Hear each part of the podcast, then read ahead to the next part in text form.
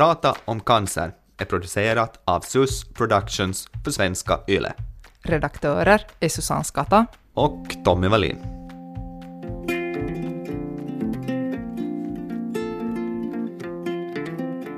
Allt blir djupare på något sätt. Det, det, är inte bara liksom en sjukdom i sig utan det är någonting som kanske får dig öppna dina egna ögon också för ganska många andra saker. Det viktigaste var ju att jag lever och att jag har, tror jag, förstånd att förstå att gå vidare.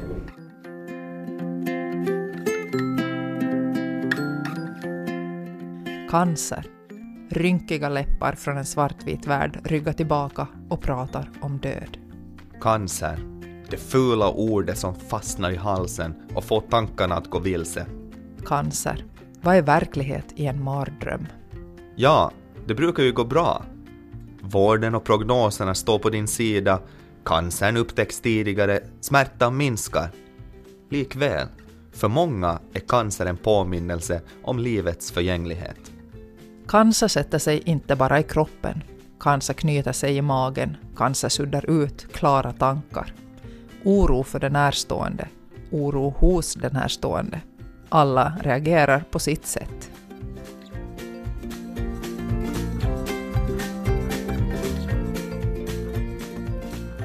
Carita Jakobsson är psykolog och jobbar med att hjälpa cancerdrabbade att hantera sjukdomen.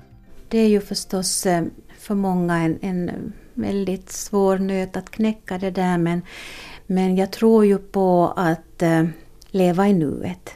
Att fokusera på den här dagen och fokusera på det som jag kan göra och, och, och vill göra framför allt. Att man kanske ens värderingar kan förändras om man börjar se tydligare vad som är verkligt viktigt i ens liv. Och sen kanske man kan då dra vissa gränser bättre än tidigare och vara snäll mot sig själv och vara sunt egoistisk. Att det är många olika saker man kan tänka på för att på något sätt kunna hantera att nu, nu är mitt liv så här. Sunt egoistiskt var ett intressant uttryck. Hur är man det? no, egoistisk låter ju ganska negativt. Att man tänker bara på sig själv och inte på någon annan. Men att vara sunt egoistisk betyder att, att du värdesätter dig själv. Vi, vi måste kunna göra det själva och inte bara vänta på att bli bekräftade utifrån och få beröm och få klapp på axeln och de här sakerna utifrån, utan du ska kunna göra det mot dig själv.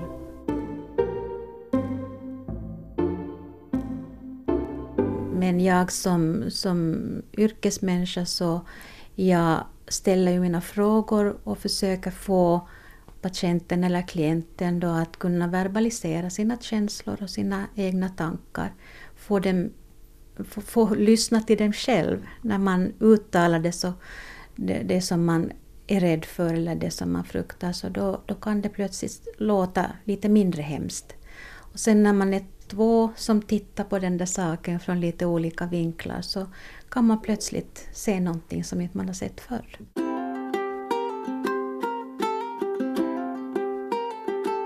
Heidi Lindemans son lider av leukemi och på grund av infektionskänsligheten i samband med behandlingarna är familjen mycket bunden till att vara hemma. Vardagen bryts av med besök av hemsjukhuset som två gånger i veckan kommer för att bland annat byta Wilhelms kanyl och ge antibiotika. Oikeaveri. Joo, mä muistin. Mm. Kattele! Ja, vieläkin lumen Det har nog varit, varit en sån här, vad ska vi säga, en, en glädjepunkt, eller vad, vad ska man kalla det, i vår tillvaro. Att vi är ju ganska så där isolerade. Han har ju infektionsrisk som pågår i nästan tre år, så han får ju inte få varken att handla eller på bio eller simhallen eller någonstans var det finns lite mera folk. Så, så vi är ganska, ganska så där för oss själva här. Så det är nog, jag tycker att det har varit roligt att någon kommer på någon som man vet att kommer varje vecka så där att, att det inte bara så där sporadiskt att det kommer någon nu som då, utan att man vet att nu kommer de snart igen. Det blir ju nog, allt blir ju ändrat. Man kan inte fara hur man vill, vart man vill. Man börjar tänka på livet på en djupare plan. Mm. Sen så blir man känsligare också, både de där goda stunderna och sen de där eh, inte så goda, inte så bra stunderna. Allt blir djupare på något sätt. Man lär sig att njuta av små saker. Hur mycket har ni vilja eller våga eller ta er tid för att prata om de riktigt svåra sakerna? Liksom, har ni diskuterat cancer och, och död och sådana grejer? Nej, egentligen inte. Det är nog kanske det som jag saknar, att jag skulle vilja prata med någon yrkesmänniska. Jag har, ju, jag har ännu inte farit till någon psykolog som någon riktig, sådär ordentligt. Man borde nog ta sig den där tiden ännu här, men det, det har varit så intensivt allt ända hit, hittills nu, så det här. Den dagen kommer väl ännu. Hur tänker du kring framtiden annars? Nå, man, man har blivit så van med det här att man inte kan planera någonting. Det har varit så mycket överraskningar och sjukdomar hit och dit på sistone. Så en dag i taget, så är det bara. Man mm. lär sig. Inga, inga sådana långsiktsplaner.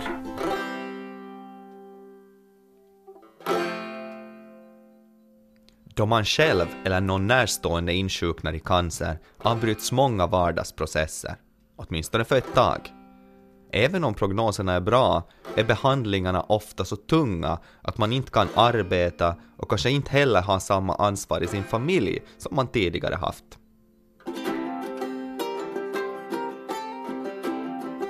Det här gör att många börjar se över sina liv, ifrågasätta hur man levt och vilka roller man har i olika sammanhang. Processen är förstås individuell. Det gemensamma är att vi ofta inte vet hur det kommer att bli framöver. Docenten i hälsosociologi, Sirpa Vrede, utvecklar. Vad kommer det att innebära i, i nuet och, och sen i långa loppet? För att, eh, också för att det skapar så mycket frågor. Man vet ju inte hur det kommer att bli. Och den här ovetskapen är kanske det som är det största och tyngsta för människor att leva med. Att du vet inte hur det kommer att bli. Du kan inte göra planer som, som är definitiva utan, utan du måste på något sätt lämna en hel del öppenhet i dina planer. Har man något ansvar som med, medborgare, vad vi ska säga, när man blir sjuk? Jo, jag skulle nog säga att det finns en stark social förväntning på att uh, någon som har blivit sjuk vill bli frisk och gör sitt yttersta för att bli frisk. Det, det, jag tror att det syns i det här, eh, jag talade i början om metaforerna som man eh, ser på media eh, berättelser om, om cancer. Till exempel så talas det hemskt mycket om att man kämpar och forskningen har hävdat att många av de här metaforerna som används eh, är samma sorts eh, uttryck som används om krig. Det talas om slag och, och, och, och sånt här. Och det, där, det finns en viss liksom heroism i det där att ha överkommit sin sjukdom och man har liksom och, och på något sätt varit eh, tillräckligt stark, man har kämpat på. Uh, och jag tycker att um, efter att man berättar om sin sjukdom är det ofta just uppmanelser om att kämpa på. och det, där, det kan ibland vara ganska svåra för, för den insjuknade att, att tolka att hur då? Att det är någon annan som bestämmer hur, hur, vården går vidare och vad som görs. Och, och, och, det, där. det kan hända att man ofta känner själv att det främst handlar om att stå ut, mer än om att kämpa.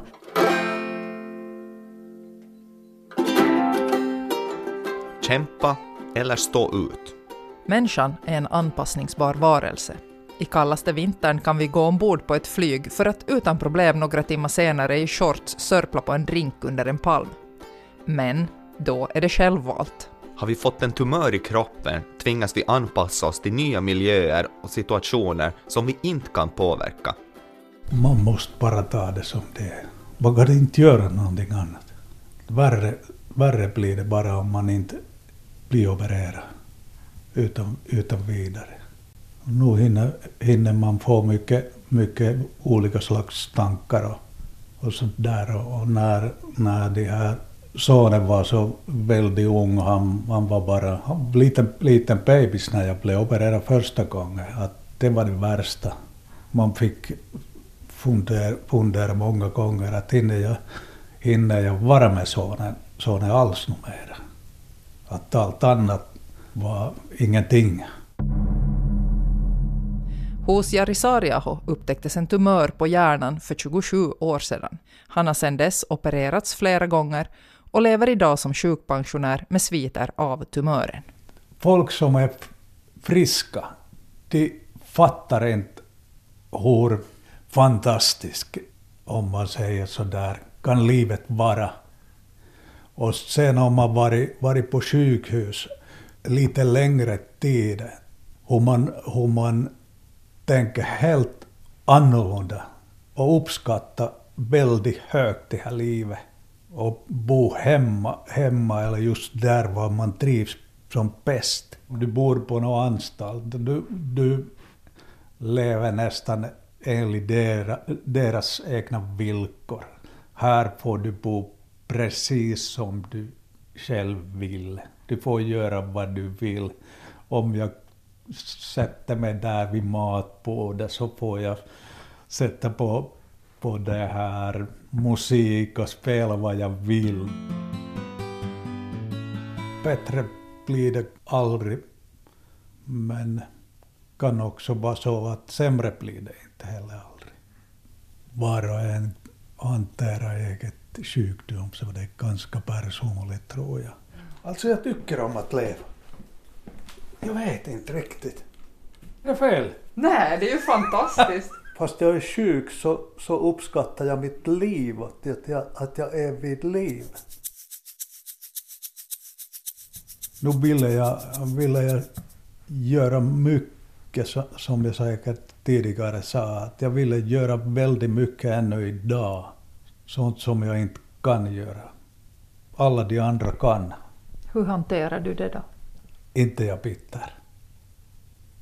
Sur förstås på, på något sätt. Annars skulle jag vara på pension och det här kunde göra vad jag vill. Om du träffar någon som, som nu då har, har fått samma diagnos som du fick för 30 år sedan med en, en tumör som växer på hjärnan. Vad skulle du ge för råd till en sån människa? Var, var väldigt noga redan från början, början att, att läkarna, läkarna tar det riktigt på allvar. Och sen, sen att äh, de här kontrollen fungerar riktigt ordentligt. Var aktiv, väldigt aktiv själv också. Cancervården förbättras hela tiden och det finns hjälp att få också med den mentala biten om du aktivt söker den. Tusentals nätforum och ännu fler samtalsgrupper världen över. De lokala cancerföreningarna kan också guida dig till rätt stöd. Cancer är, obehandlad, en dödlig sjukdom. Att drabbas av hotet är dramatiskt och det finns risk för posttraumatisk stress, depression eller annan psykisk ohälsa. Genom att föra en nära dialog med läkare och vårdpersonal om själva cancern kan man minska stressrisken. Det kan också vara bra att uppsöka en psykolog och få hjälp att hantera det svåra. Du kommer ändå aldrig ifrån att du stundvis är ensam med dina tankar i sjukdomen.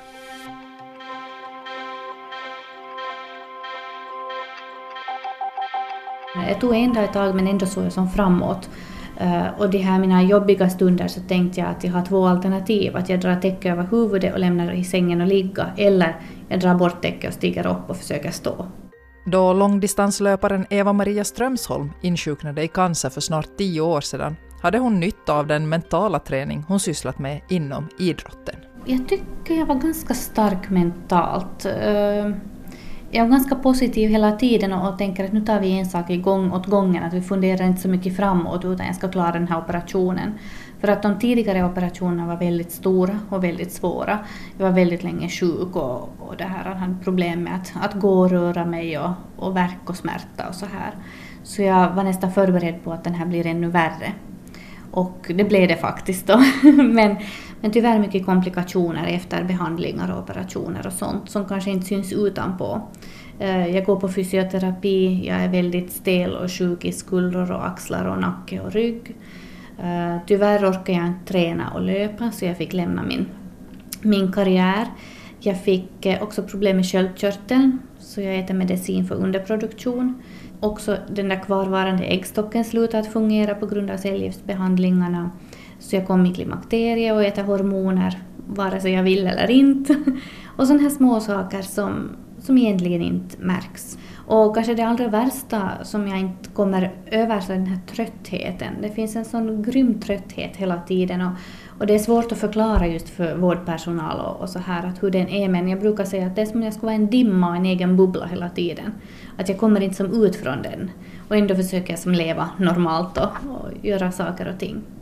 Men hur gör du det då när du lever normalt och, och inte orkar liksom fullt ut så som du har gjort tidigare? Ehm, jag är jättemycket ute och ute och går och, och får frisk luft och hjälp från naturen och på det viset. Att, att det, det, är min grej att få vara ute och, och, röra på mig. Att fast jag inte kan tävla och springa något mera så kan jag i alla fall gå och röra på mig.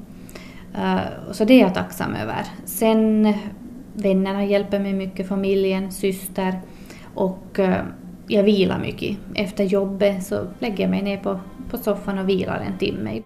Att lära sig leva med är ett tungt uttryck för de som har sviter av cancer. Igen kommer människans anpassningsförmåga väl till pass, men frågan är om man någonsin kan anpassa sig till rädslan för återfall, för att inte tala om nästa behandling. Hur kommer jag klara den? När oron irrar i kroppen är det bra att prata med någon som har varit med om samma sak. Dels för att slippa oroa sina närstående, men också för den trygghet det innebär att i lugn och ro få gå igenom hur behandlingarna går till och hur de kan upplevas. Lasse Svanström fick cancer i magsäcken för 20 år sedan. Efter avslutad behandling kändes det naturligt att hjälpa andra cancerdrabbade. I mer än 17 år har han nu fungerat som en av Cancerföreningens kamratstödjare. Jag hade själv ju sådär många frågor som jag skulle ha velat under den tid jag, jag låg väl en, en, två veckor ungefär på sjukhuset att jag skulle vilja ha genast svar och det vill ju alla patienter ha. Och efteråt började jag fundera på att oj nej, att, att nu när operationen lyckades så lyftes jag ut, tyckte jag, sådär som en sommarkatt. Spring nu, inte...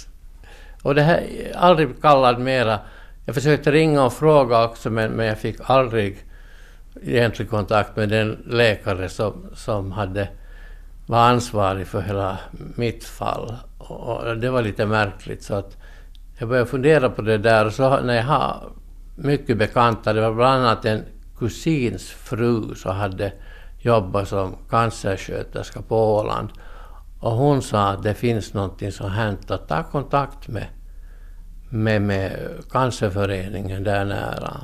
Jag pratade med dem och, och de har ju, och ska vi säga vi i Cancerförbundet, så det är ju nog regler där att man måste, eller med alla sådana här svåra sjukdomar, så måste man ha gått igenom sina egna sina egna kriser och sånt där och blivit på något sätt du med det här. Så att ungefär två år bör det ha gått innan, innan Cancerföreningen anser att man, man är klar för att, att ställa upp som stöd för andra.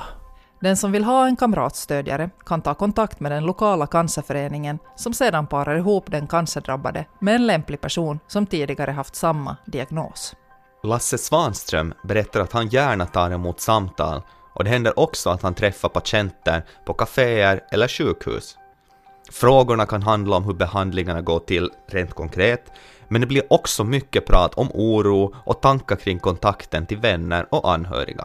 Det är viktigt att samtalen går på patientens villkor och idén med kamratstöd är också att ge något annat än det som närstående och vänner kan. För det första, just det är en människa som har gått igenom någonting som är lika, som, som troligtvis ganska lika det som patienten utsätts för och det kommer att genomgå. Men sen är det också det att man kan tala på ett annat sätt med, med, med en utomstående, tror jag. Det blir ju en helt, det blir nog en annan diskussion. Om man går in på, jag som stödperson, så, så säger saker som, som de kan tycka först att oj nej, att hur är det med magen och, och hur är det att gå på vässan och vad påverkar det? När man pratar ju nog med, med riktigt nära bekanta så kan man prata sådana saker, men om det är sådär halvbekanta så, så är det många saker, tror jag, som man inte, inte liksom tycker att det här är bekvämt att prata. Och också när de ringer så, det är någon jag inte ser, jag behöver inte skämmas. Man har märkt att en del vill inte prata med, med, med de här nära genast. De vill, vill gå igenom allt det här och sen vara säkra på vad läkarna anser. Och, och de går igenom så mycket då att det skulle vara bra om de skulle kunna tala med någon. För att det att inte alls kunna tala med någon, det, det, det kan vara ganska hemskt att man, man in, inte känner att man kan tala med någon. När upplever du att du har gjort störst skillnad för någon av de personer som har kontaktat dig? Oj, det var en stor fråga. Det inte vet jag. Ja. Man har ju, alltså det, det är många gånger när det har varit ett långt samtal så har jag tänkt, tänkt sådär att oj, nej. Och sen i slutet när, när någon patient säger att herres, du vet inte, att så skönt att få prata med någon helt utomstående och att få veta att, att jag kan ringa på nytt. Och sen när ett tungt samtal var över och det har kommit någonting som hänt så då, då är jag helt sådär själv euforisk. Ja, att yes! Och jag kan flera timmar efter tycka att, att, att aj så skönt att jag har kunnat göra någonting. Eva-Maria Strömsholm har också hjälpt många cancerdrabbade. Svenska folkskolans vänner belönade i år Eva-Maria för hennes uppfinningsrikedom i stödet till utsatta grupper. Som eldsjäl inom frivilligarbetet mot cancer har hon ordnat välgörenhetslopp och ordnat mjukisdjurinsamlingar och på Facebook driver hon Finlandssvenska cancergruppen. I dagens läge är det nästan 300 medlemmar från hela Svensk-Finland och Åland med och eh, det som diskuteras där är ju konfidentiellt, det är en sluten grupp, man får känna sig helt trygg. Och eh, glada ämnen, sorgliga ämnen, allt möjligt. Vi vrider och vänder på att var finns de bästa perukerna och vilka salvor ska man ha till strålskador och så här. Ehm, men vi ger inte på det viset någon sån här sjukvårdstips eller kan hjälpa med någon medicinering eller sånt, utan vi är vanliga människor som är, är med där och, och tipsar och, och stöder varandra. Det är väldigt mycket stöd och tröst som ges också. Vad finns det för typ av tröst att få när man är cancersjuk? Um, till exempel bara att någon skriver ordet kram där, så kan hjälpa någon. Och att mitt på natten när man har ångest få sätta sig ner och skriva och så märker man att hej, det finns andra som är uppe mitt på natten med ångest som man kan då börja chatta med och, och diskutera och, och sånt. Att det, det är väldigt bra. Men finns det en risk om man börjar läsa på och delta i forum och sådär att det blir liksom för mycket cancer, att man gräver ner sig i sjukdomen? Risken finns alltid och det beror ju helt på hur man är som person. Är man sån som vill veta och vill läsa och vill dela så då är de här forumen jättebra och de här grupperna. Men eh, ofta så finns det också sådana som kommer med i gruppen och konstaterar oj hjälp, det var kanske lite för mycket cancer. Eller det var kanske länge sedan jag hade min cancer, att nu vill jag gå ur för att leva ett normalt liv. Och det är ju helt okej. Okay. Uh, livet ska inte bara vara sjukdom heller.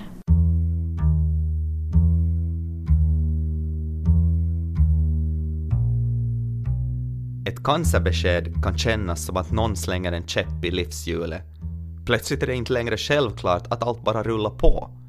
Många som drabbats av cancer berättar om en existentiell kris där man ifrågasätter sitt liv. Vad man har behov av att prata om är ändå högst personligt. Outi Ruohola är sjukhuspräst och träffar många cancersjuka patienter.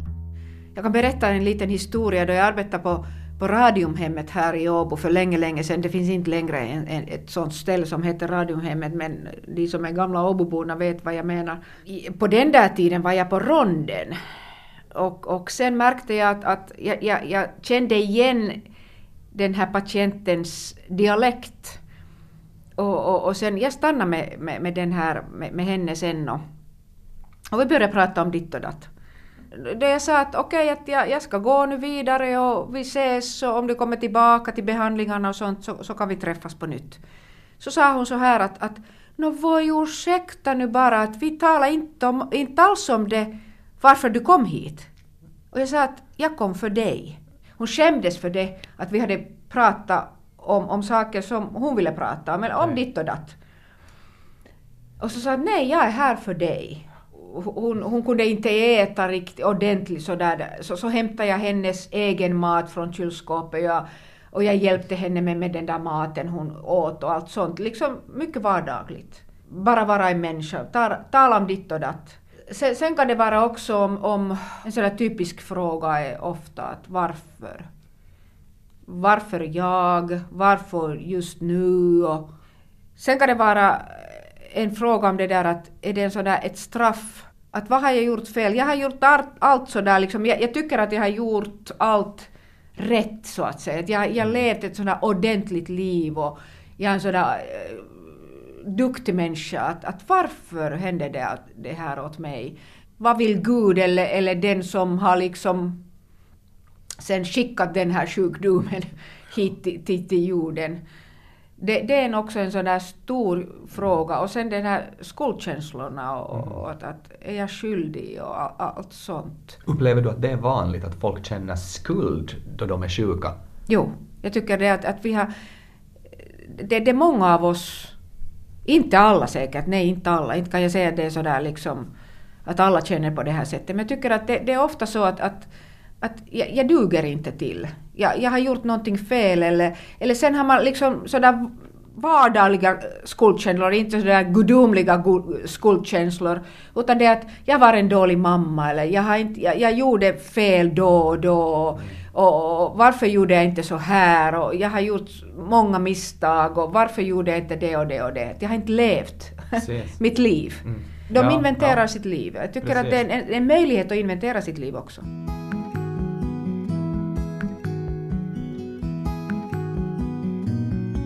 Skuldbeläggning och skam.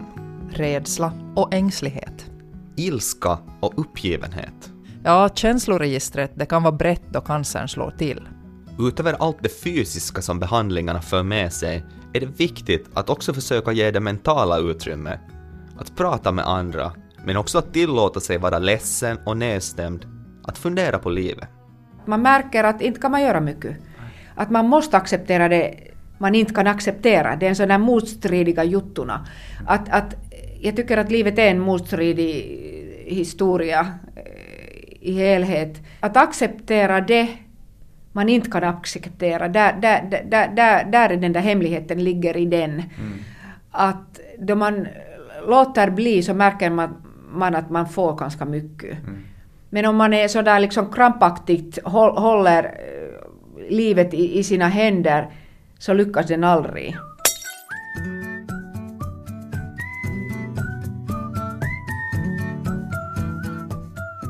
Ja, livet är en motstridig historia, menar sjukhusprästen Outi Ruohola. Ett sätt att möta det motstridiga och sorgsna med cancer är att ta till humor. Alfred Backa är komiker. Alltså den kan ju nog alltid vara till nytta. Och det är ju svårt, liksom allting blir så väldigt problematiserat nu för tiden, ska vi säga de senaste åren, så är ju att när det är känsliga ämnen så försöker man undvika dem. Jag tror fortfarande att allting, om det har med svåra ämnen, om det har med döden, om det har med eh, livshotande sjukdomar eller vad som helst, så finns det humor som behöver liksom användas. Annars så, om det inte finns någon humor så finns det inte liksom den här, liksom någon livsglädje i det heller. Och, och det behövs ju det har jag behövt när jag har varit liksom i, när min, mina närstående har dött och när uh, livet har varit det värsta möjliga för mig. Att, att jag har behövt använda humor för att komma mig igenom det. Mm, men varför tror du det är så då, att, att vi är så rädda att prata om saker när det blir svårt? Jag vet inte. Det låter jättesorgligt när jag börjar hosta också. Men Nej, jag vet inte varför, varför det blir så. Alltså, jag menar, allting som är laddat så är ju såklart att det, det kanske inte är det första man vänder sig till humor. Jag tror att det är en sån här, eh, en sån här kollektiv oro över att man ska, in, man ska vara så väldigt försiktig när det kommer till svåra saker. Och det gör väl att, eh, det kanske blir en sån här överhängande bubbla av det istället för att som man inte riktigt vågar bege sig in i istället för att vara lite där och försöka förstå och försöka skoja. Det är väl det, det kanske som behövs. Och jag menar, det är ju inte en, det är inte en krångligare sak än att oavsett liksom, när man pratar om någonting så måste det ju finnas humor. Det är ju som en del av, det måste finnas allvar och det måste finnas humor. Det är ju som, annars kan man ju inte liksom träffa, mötas som människor egentligen.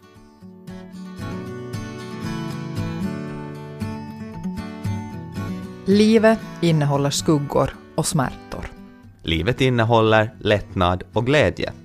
Livet har kanske inte en mening, utan ett sinne. Vad vi än tror på är cancer något vi måste förhålla oss till. Har du en gång haft cancer så har du alltid cancer. Alltså att det finns i tankarna eh, när du går på dina kontroller eller, eller när du börjar känna av något underligt i kroppen. Så det är klart att, att man är på något sätt eh, genast mm, beredd eller på alerten att vad är det här nu, nu måste jag ta reda på det. Och, och det är ju i och för sig bra att du följer med dig själv och din, din egen kropp. Men eh, när vi har gått igenom behandlingarna och allt visar bra och läkaren säger att du är frisk, så ska vi naturligtvis leva som friska. Psykolog Carita Jakobsson. Lillemor Lerbacka förlorade sitt ben i samband med cancern. Genom att prata, prata, prata, som hon tycker om, försökte hon landa i att livet förändrades för alltid. Ja, hur ska jag riktigt förklara det? Jag tog det visserligen på så sätt att inte var det ju roligt, det kan jag ju inte som säga. Men jag utgick nog från att, att det här att det viktigaste var ju att jag lever och att jag har, tror jag, förstånd att förstå att gå vidare. Vi skämtade ju om min stump i början att det var labolina för det liknar precis det här Laban och labolina som när det var vitt och det här. Och redan andra dagen efter operationen så får jag själv i duschen, satt mig i rullstolen för jag sa att jag vidare, jag ska vidare, jag ska vidare. Jag ska inte bli här. Men det måste ju finnas mörka stunder också. Det gör det visserligen, men jag, jag ger inte dem något riktigt stort utrymme. Det gör jag inte. Vad har du för knep för att få bort dem? Vardagen och utmaningar. Jag sätter mål åt mig hela tiden. Att jag, det här ska jag klara av så småningom och det här ska jag... Och klarar jag inte så då tar jag ett steg till och ja, jag ska klara det så småningom. Och första sommaren hade jag, när jag fick protesen, jag blev opererad i maj och så fick jag protesen i juli. Och så hade jag att jag ska i blåbärsskogen. Och jag for i blåbärsskogen. Och jag låg i blåbärsskogen och jag plockade blåbär och jag åt dem med god aptit de blåbär under vintern som jag plockade. Men jag slapp i blåbärsskogen. Prata om cancer. Det måste inte till en kris innan vi tar oss tid att omvärdera våra liv. Hälsosociologen Sirpa Vrede. Jag tror att existentiella frågor, eh, det där att tala om um, livets ändlighet och, och, och, och sånt.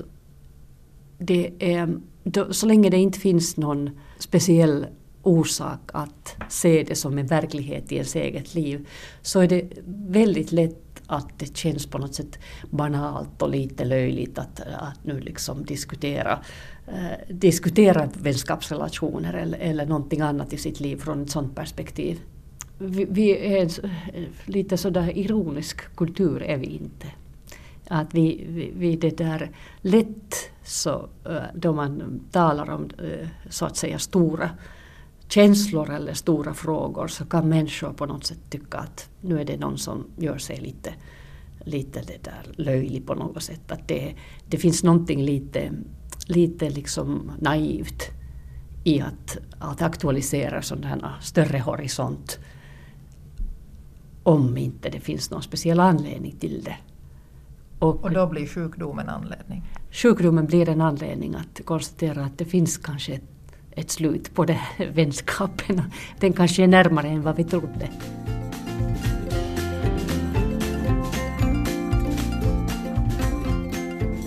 Prata om cancer.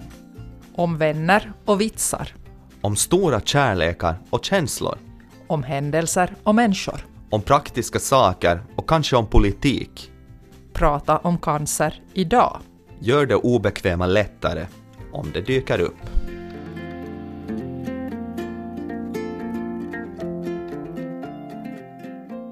Prata om cancer är producerat av SUS Productions för svenska YLE. Redaktörer är Tommy Wallin och Susanne Skata.